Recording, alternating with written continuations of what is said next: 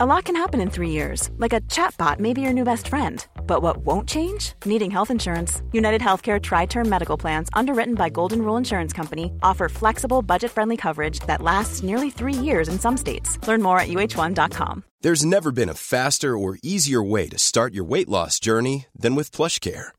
PlushCare accepts most insurance plans and gives you online access to board certified physicians who can prescribe FDA approved weight loss medications like Wigovi and Zepbound for those who qualify.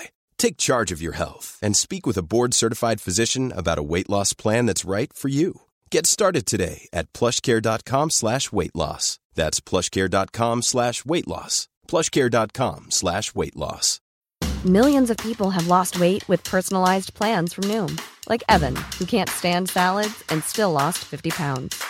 Salads, generally, for most people, are the easy button, right? For me, that wasn't an option. I never really was a salad guy. That's just not who I am. But Noom worked for me. Get your personalized plan today at Noom.com. Real Noom user compensated to provide their story.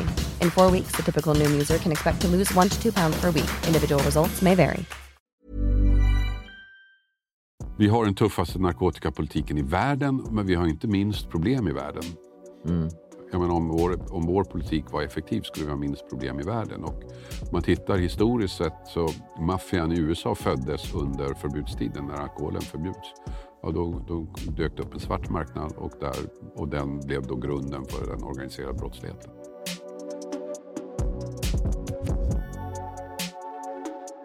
Hej på er och välkommen tillbaka till Dialogiskt. Mitt namn är Viktor och jag är som vanligt eran host.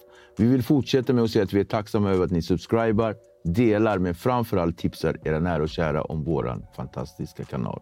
Som sagt, ni är en del av våran livlina. Den här veckan har vi en gäst som har varit både en trygghet och en otrygghet. Eh, trygghet i form av att brottsoffer har liksom kunnat känna att de får rättvisa och man har kunnat få tag på folk som har varit efterlysta. Och otrygghet är gärningsmän har känt att de har haft någon som legat dem hack i häl och ja, och det brukar alltid avslutas med 702 0090 och jag vill välkomna Hasse Aro till Dialogiskt. Tack så mycket. Tjena, Tjena. på dig. Hej, hej. Kul att ha dig här. Ja, vad roligt att vara här. Ja. Hoppas jag. ja, ja, men det är kul att ha dig här, absolut. 702...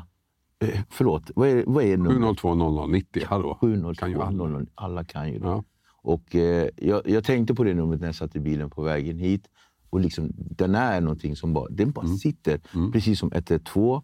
Och, och nu, eh, ja, men det var ju inte 112 förut. Nej, Det var det liksom 90 000. 90 000 var det. Ja. Så det numret har funnits längre då Ja, än larmnumret. ja, Ja. men exakt. Och, och så har man Hasse Aro i rutan som, den här gången ska de fast. Mm. Och sådär. Eh, li- lite inledningsvis när vi, innan vi satt här och pratade så sa du så här, men jag har ingen riktigt koll över, över min karriär överlag och sådär. Men Efterlys, hur, Mm. eh, hur känner du när, när du tänker tillbaka på, på din tid som ja, den som håller i Efterlyst? Svårt att alltså, När jag började så hade jag ingen... Alltså om någon hade sagt till mig att du kan få det här jobbet och så ska du köra det i 30 år så hade jag nog kanske lagt benen på ryggen och sprungit därifrån. Men, eh, eh, så att det visste jag inte när jag började att jag skulle hålla på så länge. Eh, folk tror ju att jag, det här är det enda jag har gjort och hade det varit det så hade jag nog trott Jag har gjort massa annat också. Så att det är liksom, ibland har jag varit väldigt lite engagerad i det här programmet och ibland lite mer. Så att det har ju liksom... Det har, ju, det har ju löpt genom min yrkeskarriär men det har ju inte varit dominerande Det, alltid. inte, det har inte varit det. Nej, för att du, du har ju varit med i, i andra, andra så här program framför allt. Men du har ju inte bara hållit på med, med tv. Nej. Nej. Vad har du mer gjort? Ja, men jag började ju med eh, radio. Det var liksom eh, det var min, mitt mål. När jag gick på Journalisthögskolan så var mitt mål att, vi skulle, att jag skulle jobba med radio, med ljud. Mm. Och sen så, där fick man ju då göra praktik och då valde jag att eh, istället för att slåss om Stockholms praktikplatserna som alla andra gjorde så valde jag Västerås. Så hamnade jag på lokalradion där och där började jag. Okej. Barndom då? Om, om vi tittar tillbaka, har du alltid velat bli journalist? Var det din grej? Nej, alltså jag växte upp i Tumba. Bodde i Storvreten bland annat, som numera är ett utsatt område. Gick i Storvretskolan som sen blev den enda skola som tvångsomhändertogs av staten för att den var så jävla dålig. Men det var efter min tid. Det var efter din tid. På den tiden var det mer ordentligt. Nej, men jag trodde inte att jag ville bli journalist, för jag tror inte att jag visste vad journalist var. Alltså när man, I Tumba var det, det var ganska smalt där. Liksom. Det man kände inte till så mycket om världen utanför. Och, att, och journalist, jag visste nog inte vad det yrket var faktiskt. Jag blev, när jag gick i nian sen så blev det här med reklam blev väldigt eh, väldigt eh, stort och utvecklande då. Och, så, och, det var ju väldigt mycket texter i reklam hela tiden. Så då gick jag till min yrkesrådgivare och tänkte att det här, någon måste ju skriva de här texterna. Mm. Så gick jag till yrkesrådgivaren på skolan och så frågade jag då de här om reklambranschen. Och så, och så frågade hon, kan du teckna? Nej, ja, då är det ingenting för dig. Och så liksom smalt var det där. Så att man liksom, journalistik var nog inte då i alla fall mitt mål. Det tror jag inte. Eh, sportig? Gillar nej, du sport? Nej, nej verkligen inte. In, verkligen inte? Verkligen inte. Så det, det helt var ointresserad sport. Helt ointresserad. Ja. Jag hade en period i gymnasiet när jag faktiskt var ganska engagerad i hockey. Jag åkte och kollade på hockeymatcher och så för min polare Berra släppte med mig. Så då, då var jag lite insatt i hockey, men i övrigt så var jag inte alls särskilt intresserad. Hur skulle dina polare, hur skulle till exempel Berra och grabbarna eh, så här, ja, det är en bra fråga. beskriva dig? Ja, det är en bra fråga. Nej, men jag tror att de... Alltså, vi var ett gäng där som var ganska tajta. Mm. Och vi träffades nu för bara någon vecka sedan i en sån liten återträff. Vi har det ibland. Och vi är fortfarande ganska tajta och det är lite kul att träffa dem därför att det är som förr. Då. Mm. Liksom, nu har vi levt ganska länge, våra liv har tagit olika vändningar och sånt där. Men när vi träffas så är vi fortfarande det här kärngänget. Och jag vet inte hur de skulle beskriva mig, men vi, vi, vi kände oss väldigt tajta med varandra. Mm. Och eh, dina tre bästa egenskaper enligt dig, som Ja. du tycker att du har? Utan att vara högmodig nu då? Ja, utan att vara högmodig så tror jag nog att en, en är att jag är ganska målmedveten. En annan att jag är ganska eh, flexibel tror jag när jag ser möjligheter. Så här. Mm. Och den tredje som är väldigt bra tror jag och som är väldigt dominerande är att jag är lat. Okej, du är lat. Är lat. Lat kan ju vara en väldigt dålig egenskap, men det kan också vara en väldigt bra egenskap. Därför att när du är lat Mm. så hittar du på bättre och enklare sätt att lösa uppgifter på än det egentligen behöver vara. Du, du försöker hela tiden hitta genvägarna och det kan vara väldigt bra ibland. Jag tror att lat är en, för mänskligheten en väldigt bra egenskap. Därför att det, det ligger bakom vår utveckling. Det är därför vi utvecklar saker och ting. För vi tycker att det är jobbigt som det är. Vi måste göra det bättre. genvägar och- genväg och så, ja. här. så att det tycker jag är väldigt bra. Jag brukar säga att jag har bokstavskombinationen LAT. LAT. Så, så, så att man, bara som ett exempel, då, istället för att ha en nyckel som man öppnar en dörr Ja. med, så hittar man kodsystemet som Ja, bara precis. Ja, ja. Men jag fattar. M- Men jag upplever det också att vara i den här latheten. Men det är bara vad jag upplever, Ja. att du är ändå ganska innovativ. Och att Ja. du vågar dig ut och göra Ja, men det som- tror jag nog. Att, om jag nu får klappa mig lite på axeln. Att jag säger oftast ja till saker och ting och ja till utmaningar. Mm. Ja, men det är klart. Ja, men jag testar och får se vad det går. Och oftast, ofta går det bra, ibland går det åt helvete. Men liksom att man ändå liksom inte begränsar sig själv, det tror jag är väldigt viktigt. Mm. Därför att som jag sa, där i Tumba var det väldigt begränsande. Så tror jag att jag tror att man får ut mer av livet om man inte begränsar sig själv utan försöker ta de chanser man får. Men i Tumba var det ju eh, ganska lugnt, men jag upplever också instängt och, och då också att det är skyddat. Ja, Och, och det skyddet kan ju göra att det skapar eh, ganska bra självkänsla. Men inte skyddat så. Alltså, Tumba var ju också då ett utsatt område. Mm. Fast på den tiden. Så det var inte, alltså, det, Ja, men du har sett en, en, del av, på 50-talet. ja, men en del av kompisarna hamnade ju snett. och så, Mm. så det var liksom inte, det var inte någon eh, idyllisk villaförort. Det var det Nej. ju inte.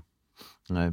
Eh, Men men det tänker jag mer kanske att, att du har haft en ganska så här, eh, så här skyddad i den formen att, att med bra självkänsla Mm. och då också våga göra saker. Ja, som- ja, men det tror jag. Och liksom, alltså, jag hade en, min drivkraft var ju att komma ifrån Tumba. Ja. Inte för att jag hatade Tumba, men för att jag upplevde det som begränsat. Jag upplevde att världen var utanför och var mycket större. Så att det var mitt mål. Eh, och och det, det målet kanske jag inte formulerade direkt för mig själv, men jag tror jag hade det väldigt tidigt. Mm. Och, och jag fick ju en lägenhet i Stockholm ganska tidigt. Och då kom jag ut ur, ur, ur Tumba. Då hade jag ju liksom förverkligat mitt livsmål. Och då var jag, typ, Då var du klar. då var jag 19, så tänkte jag, nu då. Men, Och då, ham- då hamnade du i Kungsholmen, ja, just det. Jag fick Ja. en lägenhet på Kungsholmen först. Via Berra faktiskt. via Berra. Ja. För det, var, det är också sådana här små anekdoter med dig som jag har hört. Jag har ju lyssnat lite på intervjuer och, och sådär.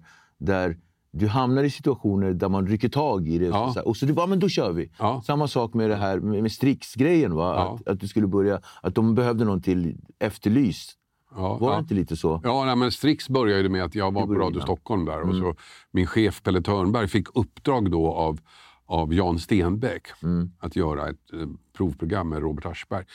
Stenbeck hade sett en Morton Downey Jr show som gick i Amerika och var liksom så trash-tv. Liksom. Ja, Och den ville han göra en svensk variant av. Han ville att Robban skulle vara den. Och Pelle fick uppdrag att göra det här.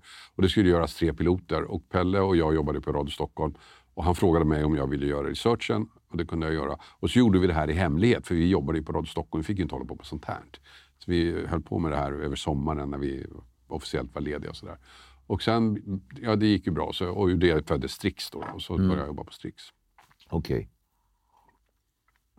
Och med Strix föddes ju Efterlyst. Ja, Så småningom. Ja, det var ju Robban som eh, lanserade den idén. Därför det var ju ett stort program. Det fanns ju i alla länder. Mm. I varenda land hade den Wanted. här varianten. Och det vi tittade mest på var då Crime Watch UK. Och då lanserade han den idén till TV3. Han sålde in den till eh, Rikspolisen då, som det hette då. Och så körde, kör, men då var inte jag med från början, utan då Nej. körde de igång. Det var ju Brynolf som var programledare. Brynolf Fent, ja. Och jag, jag minns ju faktiskt det bytet. att Från att Brynolf Wendt, eh, med all respekt, då, Ja. var ju ganska liksom tillbakadragen Ja, och pratade ja. ganska lugnt och, Ja. och var rätt så informativ. Och Ja. Var inte han gammal polis själv? eller? Ja, åklagare. Åklagare, förlåt. Eh, och, sådär. och sen när du kom så var det, det, det blev lite, lite rappare och det, nu ska det... Och sådär. Eh, kände du att det här är min grej direkt när du började Nej, med det gjorde Efterlyst? Du, gjorde inte det? Nej, alltså för mig då, där och då när vi körde igång var ju liksom att ett programledaruppdrag. Jag hade, haft, jag hade varit programledare i ett annat program tidigare. Så det var för mig ett programledaruppdrag. Och det var ju först efter ett tag som jag insåg liksom Värdet det. grejen. och, av, eh, och vad det skulle bära och så. Ja, ja. Du hade ju också tidigare un, under, under tonåren eller så här, också varit ut, på, så här, ut och tågluffat. ja. Och, och så, så, att, så att det känns ju som att det här med... Ja, du skrattar. Ja. Men det var en ganska billig resa. ja det var kostade, om jag kommer ihåg, 350 spänn. Ett sån här eh, interrailkort. Och jag åkte då med min polare Tony. Eh, han var då 18. Jag hade inte fyllt 18 än, vilket var lite surt för vi, när vi hyrde bil fick han köra, inte jag. Eh, men den resan var livsavgörande för mig. Berätta. Ja, men för att då insåg jag, jag kommer ihåg ögonblicket när jag står där i Gallerias Presidados i tror jag, Valencia. Och så hör jag Gloria Gaynor sjunga I will survive. Och den låten handlar ju om, hon har blivit övergiven av sin kille, men liksom hon kommer överleva. Men för mig handlar låten om att I will survive, jag äger mitt liv. Jag inser det där och då. Jag står här för att jag har bestämt det, för att jag har jobbat ihop de här pengarna, för att jag har tagit mig hit. Jag äger mitt liv. Bort från Tumba. Ja, bort från... Alltså, livet är så, du bestämmer själv. Ja, det var en, för mig en livsavgörande resa. Okej. Och, sen så, och sen så när du nu hamnar i, i, i Efterlyst så känns det också, men det är bara återigen det som jag upplever, att, att den här resan gjorde också att du kunde så här, navigera dig bland människor ganska väl. Ja, det kanske jag lärde mig med tiden. Ja. För, för, för att i Efterlyst så var det ju, det är trots allt, det, det var ju, alltså det är ju som en polis, eh, Ja. som en s- sambands... Eh, ja, det det. Ja. och så. Eh, samarbetet med polisen, Mm. hur, men hur gick det tillväga? Hur, hur, till exempel, hur gjorde man ett avsnitt? Hur planerade Alltså, det där man? har förändrats väldigt mycket under åren. Alltså, I början så hade vi ju, möttes vi bara av misstro. Det fanns ju någon slags inbördeskrig mellan journalister och eh, poliser på den tiden och de ville verkligen inte jobba med oss. Mm. Så de fall vi fick, det var liksom hopplösa fall och så där gamla fall och så. Men så, så fick vi faktiskt ett mord då på, eh, som skedde i Lugnets industriområde som vi löste. Som tack vare oss klarades upp. Och där och då vände det. Då förstod polisen att vänta nu, det här är ju ett verktyg som vi kan använda. Om vi är lite smarta kan vi använda det här verktyget. Och då vände det. Så att eh, jag skulle säga att Så att det var inget samarbete med polisen ända från början? Jo, det var det ju, men med rikspolisen. Men sen när man ringde till utredarna, då var de inte så pigga på det. Stället. Fick vi ringa till rikspolisen, så fick de ringa till utredarna och säga nu får ni ställa upp. Och så. Så vet, Men, men, så vadå, så, såg utredarna er som ett hot eller att, att de tyckte att ni kanske eh, förstörde utredningen? nej, det, det, jag, vet, jag tror det var mer en allmän misstro mot, mot journalister i största allmänhet. Jag tror inte de trodde att vi skulle men jag tror inte de heller förstod nyttan av det. Nej. Utan för dem, det var först då när vi löste det här mordet som de fattar att vänta nu, vi kan använda oss av det här. Och det jag brukar säga när jag pratar med poliser är att vi erbjuder dig en direktkanal till förövaren, till gärningsmannen, för han tittar. Så det är upp till dig att använda det som du vill. Och det har de ju lärt sig med tiden, att använda programmet som en del. För att ibland så har de använt det för att lura förövare och såna här saker. Så att de, för, dem, för en bra polis är det ett verktyg. Det är ett verktyg. Och det, här, det här som hände i Lugnet var ju egentligen ett fall som de kanske inte ens skulle ha klarat av. Nej, det tror jag inte. Nej. Du tror inte det? Nej. Nej, alltså det, var ju, det som hände var ju att det var Knut Doglan hette han som hittades mördad i en bil i Älvslagen. Och det fanns liksom inte, han hade bara gått där av en slump så att säga. Det fanns liksom ingenting i hans omgivning som på något sätt kunde förklara det här. Och det som hände att när vi körde den här så hade vi då intervju med hans anhöriga som liksom visade sina känslor och då blev ju det här för mycket för en av förövarnas tjejer som satt och tittade på det här.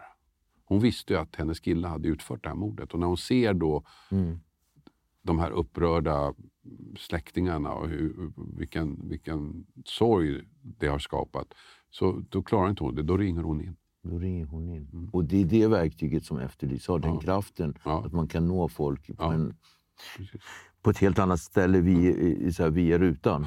Ja, men sen har, finns det ju andra, menar, till exempel det var ett mord på en dörrvakt på Kungsgatan i Stockholm.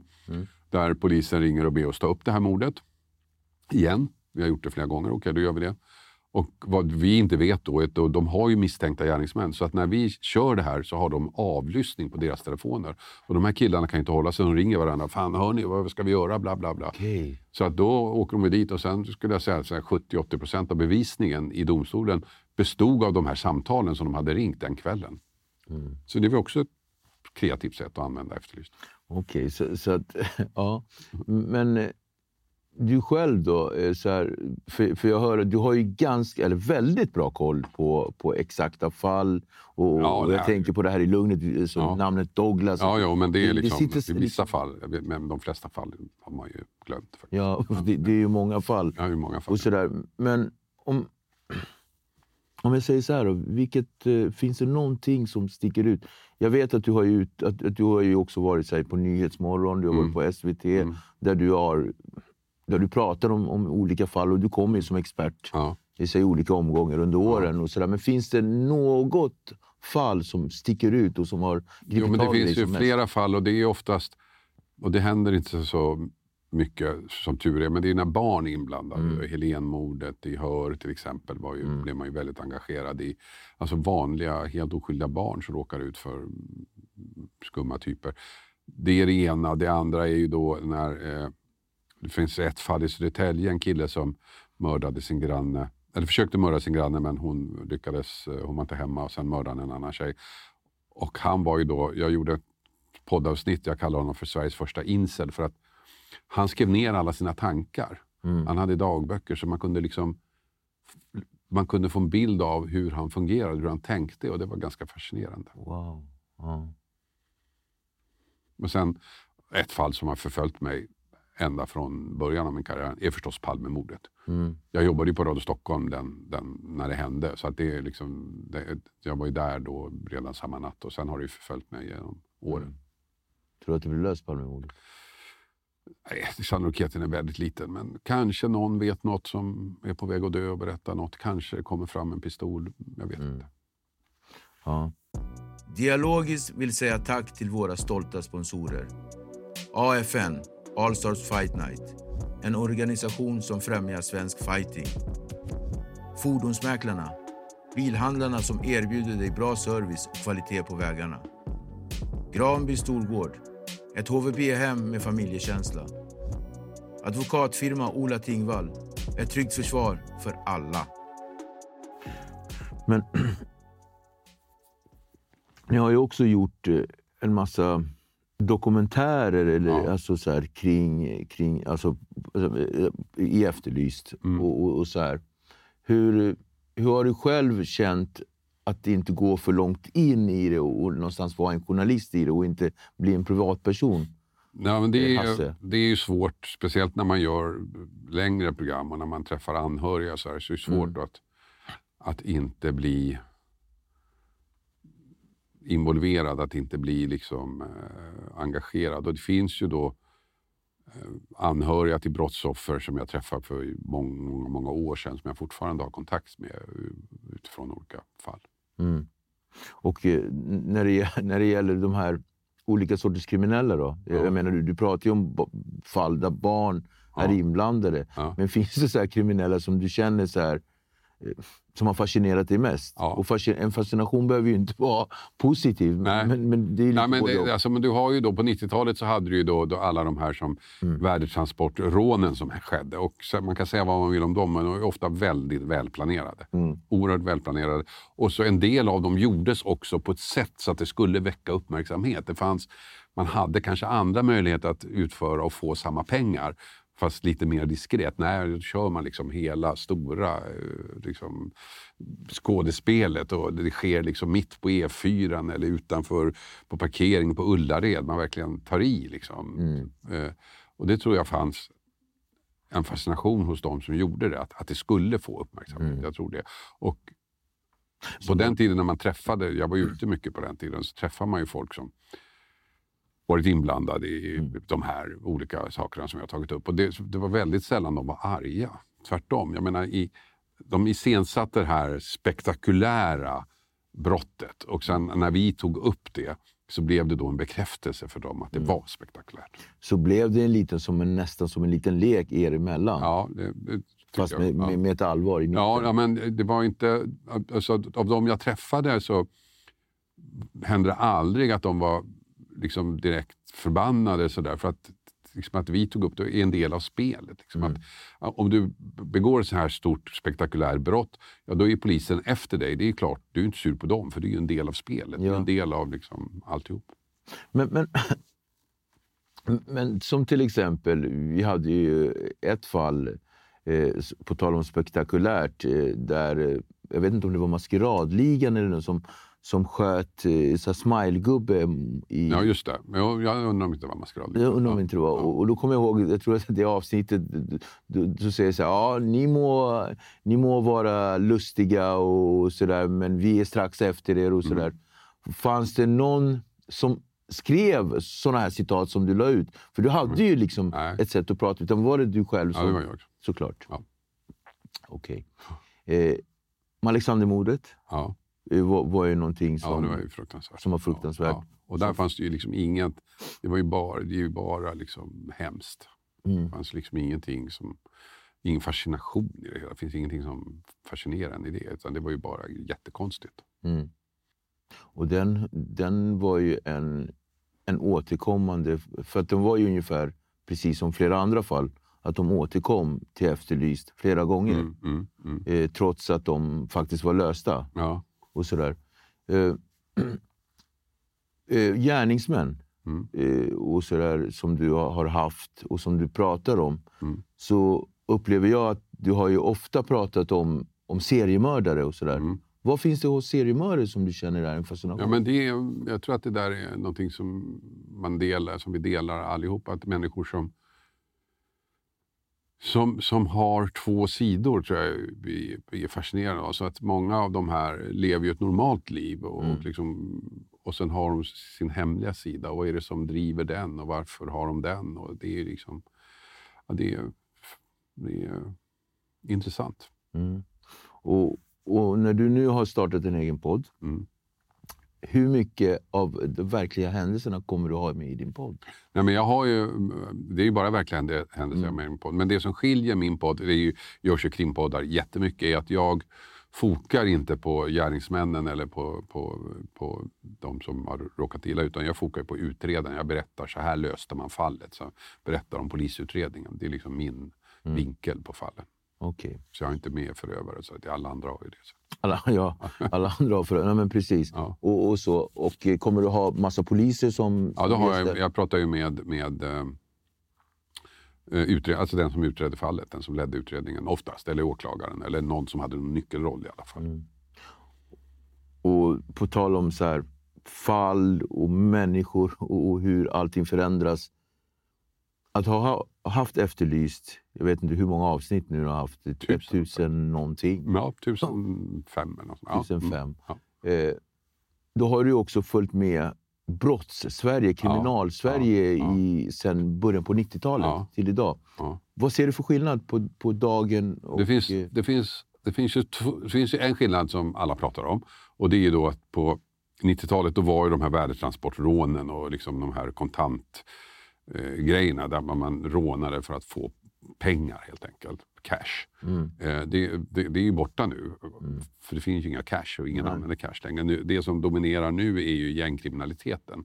Och det är ju en helt annan värld som jag känner att man har ingen insikt i. Den, är helt, den styrs av sina egna värderingar och den är väldigt svår att, att få något grepp om. Men så finns det en annan utveckling som ingen talar om, vilket jag tycker är lite konstigt. För att om, om man tittar på antalet mord i Sverige då, mm, från 90-talet och fram till idag, så är det ungefär samma nivå. På 90-talet var det lite högre, men det var ungefär, säg- vi säger 100 då, per år. mm, Och på 90-talet så var det ju väldigt mycket då fanns ju inte gängkriminaliteten utan då var det liksom vanliga, om jag får använda uttrycket, vanliga mord. Liksom. Det var fyllemord, det var familjedramar och sånt. Idag så är det ju väldigt mycket eh, gängkriminella mord mm. som har tagit över. Samtidigt har den andra formen av mord sjunkit jättemycket. Så att antalet mördade är fortfarande samma. Fast det där är ju en debatt som har gått ganska frisk ändå Ja, under ja. senare två, tre åren. jag har hört så mycket om det. Ja. Nej, men d- där, nej, men där man säger tvärtom. Där man säger att eh, morden har ökat. Ja. Och så finns det andra som säger att det egentligen inte har gjort. Nej, alltså Utan det totalt sett, karaktär. antal, det har ökat lite nu de senaste åren, men antal mördade har inte ökat särskilt mycket. Men det är ju liksom typen av mord, som, alltså gängmorden har ju ökat jättemycket. Mm. Gängskjutningarna har ökat enormt mycket, men då har den andra typen av mord sjunkit väldigt mycket. Så, så om vi inte hade haft gängkriminaliteten, då skulle liksom brottsligheten halverats i Sverige. Och det Men- där är ju en utveckling som finns i hela Europa, det är inte bara i Sverige. Mm. Intressant. Ja, det är jätteintressant. Så att det, det, det, det stora problemet är gängkriminaliteten, men utöver det så har vi ju faktiskt fått, inte bukt, men vi har fått ner den andra brottsligheten kraftigt. Men om vi tittar på gängkriminaliteten då. Ja. Det, det är ju någonting, i Sverige ligger ju topp nu. Topp, ja. Varför tror du att det är så? Alltså, vad... Jag vet inte. Jag tror att vi har varit lite naiva. Vi har...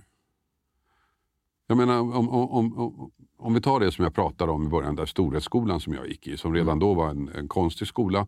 Och, och Storvreten var redan då ett litet, inte utsatt område, men ett speciellt område med liksom hög eh, kriminalitet och sådana saker. Och nu är det ett totalt utsatt område, liksom 50 år senare. De har, ju, de har inte fattat något på 50 år. Alltså om man hade gjort någonting då så kanske inte haft det idag. Så det finns en naiv- naivitet där som jag liksom inte riktigt begriper mig på. Eh, lumpen? Lumpen, ja, det brukar jag säga, det tror jag var ett jättemisstag att dra in värnplikten. Det tror jag. Så att ta alla 18-åringar, killar i Sverige och låsa in dem i ett år och lära dem veta ut, det tror jag är jättebra. Men det skulle vara kanske helt annorlunda män som kom Ja, fram där. ja, jag tror det. det är. Alltså lumpen var ju ett sätt... man möts ju på lika villkor. Det spelar ingen roll vad du är. Ni står, man står där i kö först när man rycker in och så får man klä av sig. Så står man där i sina kalsonger. Och det, alla står där och sen får man eh, uniformer och så ser alla likadana ut. Så jag kan inte döma dig utifrån hur du klär dig. Mm. Jag är tvungen att ta reda på vem du är innan jag kan döma dig. Och det tror jag är skitbra. Men så här då, eh, det här med, med dagens Sverige och, och, och brott och sådär. Mm.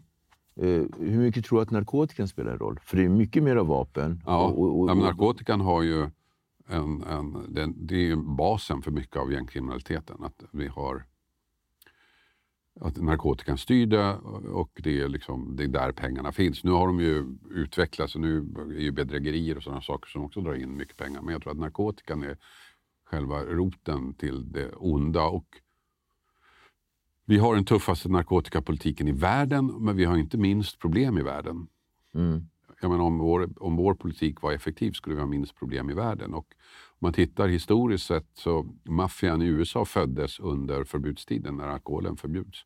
Ja, då, då dök det upp en svart marknad och, där, och den blev då grunden för den organiserade brottsligheten. Så du tänker det är ungefär samma parallell? Ja, lite. Mm. Avkriminaliseringen då?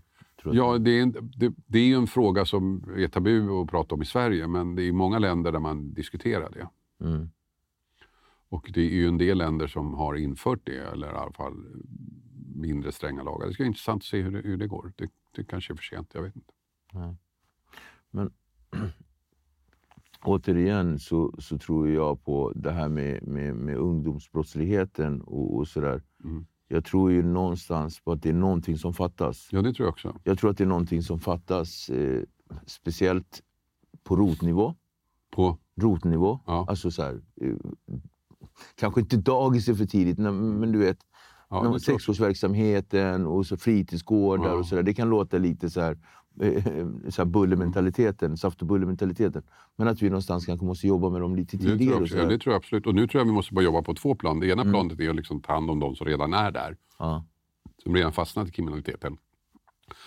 Och det andra är att liksom stoppa de som är på väg in, redan innan de ens fattar att de är på väg in. Mm. Och vi pratar ju mycket om, eller för några år sedan pratade vi väldigt mycket om New York-modellen när de lyckades stoppa kriminalitet i New York och då pratade vi bara om de hårdare tagen som polisen hade där. Och det hade de. De hade väldigt tuffare tag och snabba reaktioner, jourdomstolar och grejer. Men det vi pratar inte om så mycket i Sverige var att det var bara en del. Det andra var just ett socialt engagemang där man rustade upp socialt utsatta områden. När rutor gick sönder så lagade man dem. Man satsade på skolor och, och, och ungdomsverksamhet. Och jag tror att båda, båda behövs. Hårdare tag räcker inte, det tror jag inte. För att det kommer nya hela tiden. Så att hårdare straff och hela Nej, den jag tror, hårdare straff tror jag inte är så, så, så effektivt. Däremot tror jag att snabbare reaktioner. Mm. Nu när du, när du är 15 år och står i domstol för att du har mördat någon, då visar det sig att du har ett brottsregister som går flera år tillbaka. Mm. Om någon hade reagerat redan på ditt första brott, när du snor en cykel, Mm. Eller står och klottrar. Polisen kommer att ta det. Du hamnar i en domstol direkt. Mm. Och du står där inför en domare som liksom ställer dig till svars för vad du har gjort. Då tror jag att den skammen blir väldigt stor för dig då. Och det i sig kan vara avskräckande. Men när du nu står inför domstol, ja då har du mördat någon och så har du gjort massa saker på Ja. vägen som polisen, myndigheterna känner till men inte reagerar på. Så jag tror att snabba reaktioner tror jag är viktigt. Brottsoffer. Mm. Hur mycket reaktioner har du fått från brottsoffer? Väldigt mycket reaktioner från brottsoffer. Alltså, den svenska brottsofferpolitiken är ju urusel. Berätta. Ja, men vi har ju massa olika exempel på... Eh, vi, när vi startade så pratade man inte om brottsoffer. Det tror jag, historiskt sett, så när man tittar tillbaka på Efterlyst, vad gjorde Efterlyst? Jo, jag tror att vi gav brottsoffren en röst för första gången. För när, man, när, när vi startade så var brottslighet, det handlade om att brottslingar då, de reagerade på det samhället hade gjort mot dem. Så, att säga. så det var någon slags tvåpartsgrej där. Men den tredje parten, offret, pratade man inte om. Nu gör man det mycket mer, men jag tycker fortfarande att det är jättedåligt. Och det här med skadestånd, det är ju skandalöst hur det, hur det fungerar i Sverige. betalas inte ut. Liksom. Nej, det, alltså det, Om du då blir dömd för ett brott och så blir du dömd till skadestånd men du har inga pengar. Då ska jag som brottsoffer kräva pengar av dig. Jag ska ta kontakt med dig och kräva pengar av dig. Jag ska ringa Kronofogden och säga att han, jag måste ha hans pengar. Men folk orkar ju inte det. I Norge så är det så att när någon blir dömd ett skadestånd så betalar staten det skadeståndet. Ungefär som underhållsbidrag funkar i Sverige. Staten betalar det, sen kräver staten pengarna av förövaren. Mm. Och så borde vi ha i Sverige. Jag förstår inte varför vi inte har det. Ja. Eh, Vi har ju också haft en debatt kring eh, brottsoffer, men i det här med brottsoffer så har det ju också kommit... Jag tänker på den här lilla flickan som blev skjuten i... Vad heter hon? Adriana? Adriana. Ja. Eh, Då var det också diskussioner, alltså brottsoffer inte får tillräckligt med plats och Ja. utrymme och att man fokuserar bara på gärningsmän. Eller mest på gärningsmän, Ja. inte bara. I, ur det föds det också en annan tanke, att det finns potentiella gärningsmän som också håller på med musik. Ja. Eh, ja, men nu pratar vi om rap, gangsterrapmusiken. Vad tänker du kring de parallellerna? Alltså, jag måste säga att just när det gäller eh, rapmusiken så är jag inte särskilt insatt. Alltså. Verkligen inte. Så jag Nej, vet inte nej. så mycket. Jag menar att folk rappar är väl inget problem i sig. Liksom. Nej. Men eh, om, om, om gangsterrappen föder någon slags eh, liksom, att, det, att det blir lite coolt att vara kriminell, då är det ju inte bra. Nej. Men jag, jag, jag är väldigt nej, men det, dålig. det är någonting som du känner att du Nej. inte... För, för att man, man, man har ju rappat mycket om dig i, i ja. Ja, det sägs så. Jag har inte hört något. Nej, jag tror jag har hört... Nej, Jag var så lite osäker på, i något sammanhang så sa jag, jag vet inte ens om gängkriminella vet vem jag är. Men det vet de tydligen. Men det vet de. Ja, Det vet de. Och, och det är många på anstalter som vet vem du är. ja, ja det vet de ju. och, och sådär. Och, jag- och jag tror att kanske där eh, efterlyses mest troget, så tror jag faktiskt att det är Mm. Ja, men så var det förut i någonstans. alla fall. Att de kollade ju på, på anstalt. Och förut var det så, och så Mm. är det fortfarande till en del, men förut var det så att de bästa tipsen fick vi från kriminella. Mm. Som ringde till varandra. De kallar ju det för Golnytt, så att de ringde Ja, och ja, ja varandra. precis. Eh, eh, att vara en, en, en, en frontfigur i all Ja. ära och sådär, Ja. men det finns ju också baksidor med det tyvärr. Ja. Att, eh, du har ju blivit utsatt för massa mordhot. Ja, inte massa. eh, inte massa? Nej, Inte? nej. Jag har få- fått en känsla av att det är massa. Nej, alltså jag blev ju nu, nu senast så var jag ju, var jag ju i en rättegång där, jag liksom, där en person hade blivit åtalad för att ha hotat mig och två andra. Okej. Och det var ju en del av en större rättegång. Han var egentligen åtalad för mord, det var den stora grejen. Mm.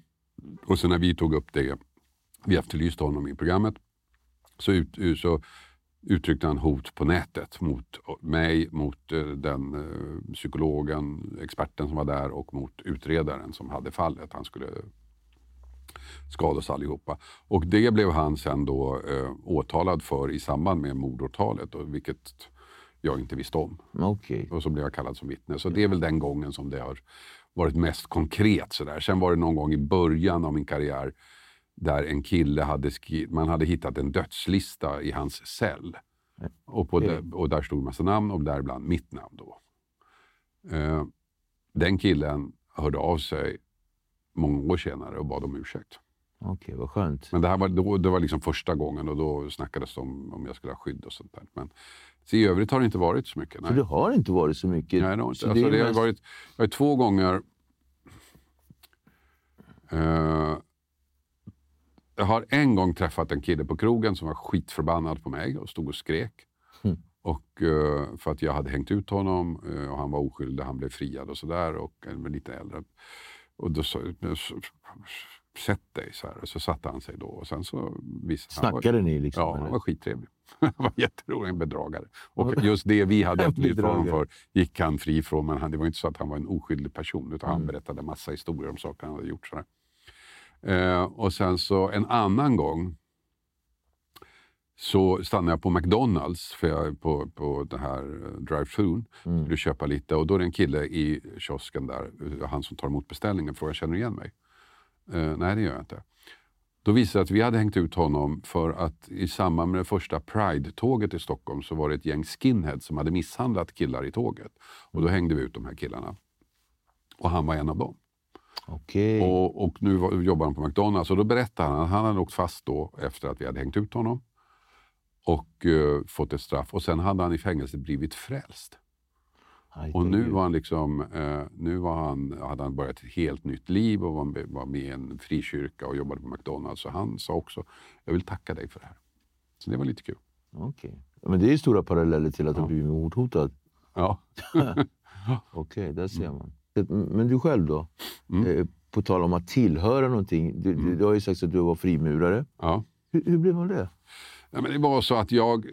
Alltså det var en debatt då, där någon gång på det var väl 90-talet. Då, som han, den, den återkom ju hela tiden. Så handlade om frimurarorden och de styr världen och bla bla bla. Så, här. så jag blev väldigt nyfiken och då hade jag en kompis vars farsa var frimurare. Så att då gick jag och min kompis in i det här för att jag ville se vad är det här. Mm. Jag, ville liksom, jag förstod ju att det som stod i tidningarna kanske inte var riktigt korrekt. Utan jag ville gå in. Jag var nyfiken på den här världen. Jag ville se den. Så jag gick in där. Och jag vet att det är mycket hysch-hysch. Man Ja. får inte snacka så mycket. Jag kan berätta allt om för dig om du vill, men då måste jag döda dig sen. Klipp inte mig. Alltså. det, det, det, jag, nej, men det var, man, man får, men de har ju sina ritualer, de har sina liksom, först, först samlas man, så mycket kan jag säga, först samlas man och har en slags liksom, sammankomst där utifrån de regler som finns och sen sitter man och käkar middag och den är väldigt trevlig. Okej, så, så det är egentligen som en Nobelmiddag? Ja, ja Nobelmiddag är väl att ta i, men det är ändå som liksom en slags klubb. Eh, sen med tiden tyckte jag att det blev ganska tråkigt så jag hoppade av. Ingen som man skär inte Jag fick, jag fick, nej, och jag fick liksom inte styra världen heller. Så, Nej. nej, så, så jag hoppade av. Men kul att ha dig här. Hörru du. Jag- tänker så här. I din värld, Mm. finns det någonting som du känner att du värderar högt men som du anser att andra inte gör? Nej, det vet jag inte. Ingenting. Nej, det, är, nej, det var en svår fråga. Det är svårt. Ja, nej, alltså... Jag... Alltså jag... Om jag tittar på mitt liv så tycker jag att jag ändå lyckades få igenom mina drömmar. Jag lyckades få den vägen som jag drömde om när jag var liten. Det tycker jag faktiskt. Och det har jag värderat väldigt mycket. Vad jag inte liksom värderat och tyckt var lika viktigt var att jag skulle bli stormrik. Mm. Och det blev jag inte heller. Så att det liksom, men det varit, jag, jag förstår inte den här fascinationen att, för, för pengar i sig. Den, den förstår jag inte riktigt. Mm. Jag förstår att pengar ger frihet, absolut. Men när man liksom kommer... När man åker förbi Louis Vuitton-butiken här nere i stan och det är kö. Det värsta kön. ja, det förstår jag inte. Nej. Det är helt obegripligt. Vad har de där som är värt att stå kö för, som jag inte kan köpa någon annanstans? Så just den, den det förstår jag inte. Mm. Mm. Tack för att du kom. Tack för att jag fick komma. Tack.